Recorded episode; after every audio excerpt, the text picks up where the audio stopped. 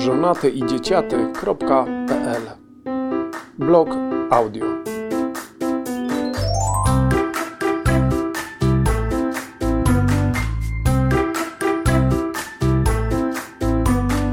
Czyta autor.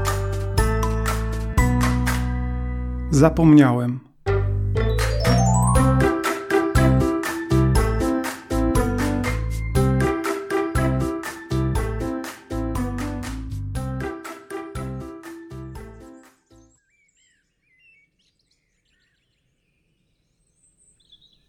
Zapomniałem, jak to jest nie musieć, a móc.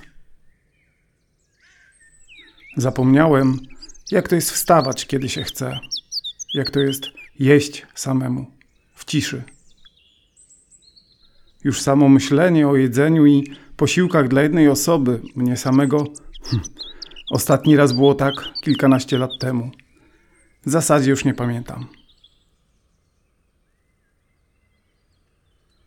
Zapomniałem, jak to jest nie myśleć o dzieciach, nie mieć ich z tyłu głowy, po prostu nie mieć ich przez parę dni.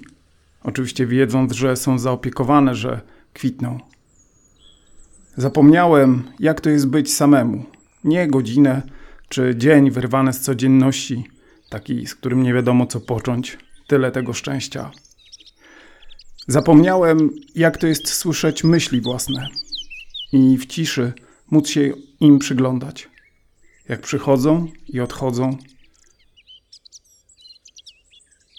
Zapomniałem, jak to jest się nie ruszać, tylko słyszeć, ale nie słuchać, widzieć, chociaż nie patrzeć. Wystarczy być. Zabrzmiało niczym tytuł książki Kosińskiego albo jednej z choreografii tańczonych przez Teatr Tańca Akro, również mój.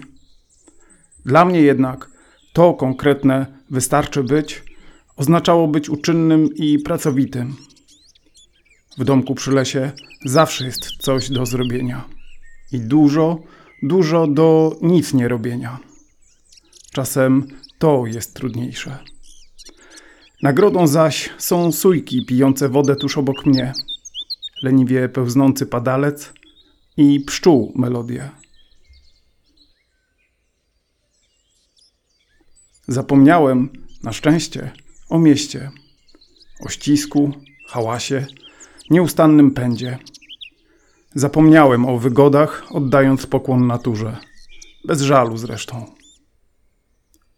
Zapomniałem też o czasie. Nie dlatego, że jest nieważny, lub też, że w uroczych miejscach jakoby płynie inaczej. Zauważyłem, że czas stał się jakby bardziej dla mnie – odzyskany.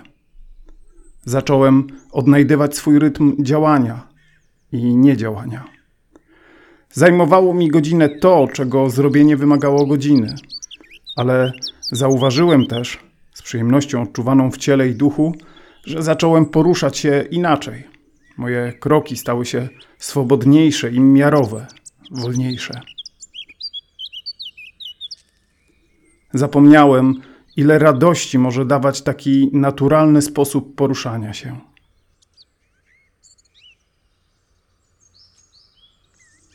I żeby nie było, nie mam na myśli potocznie rozumianej sielany.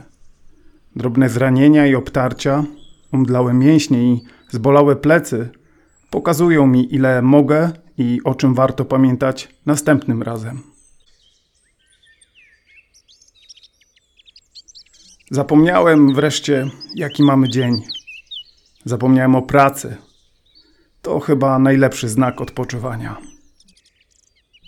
Moich pięć dni. Takiego czasu życzę i Tobie.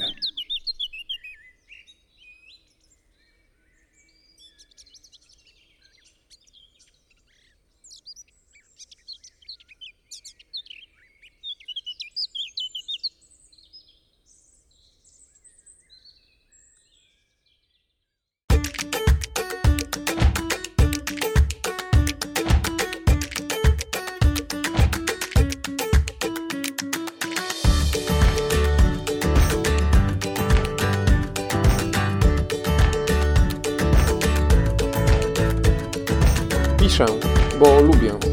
Nagrywam, bo mogę. Słuchasz, bo wspierasz.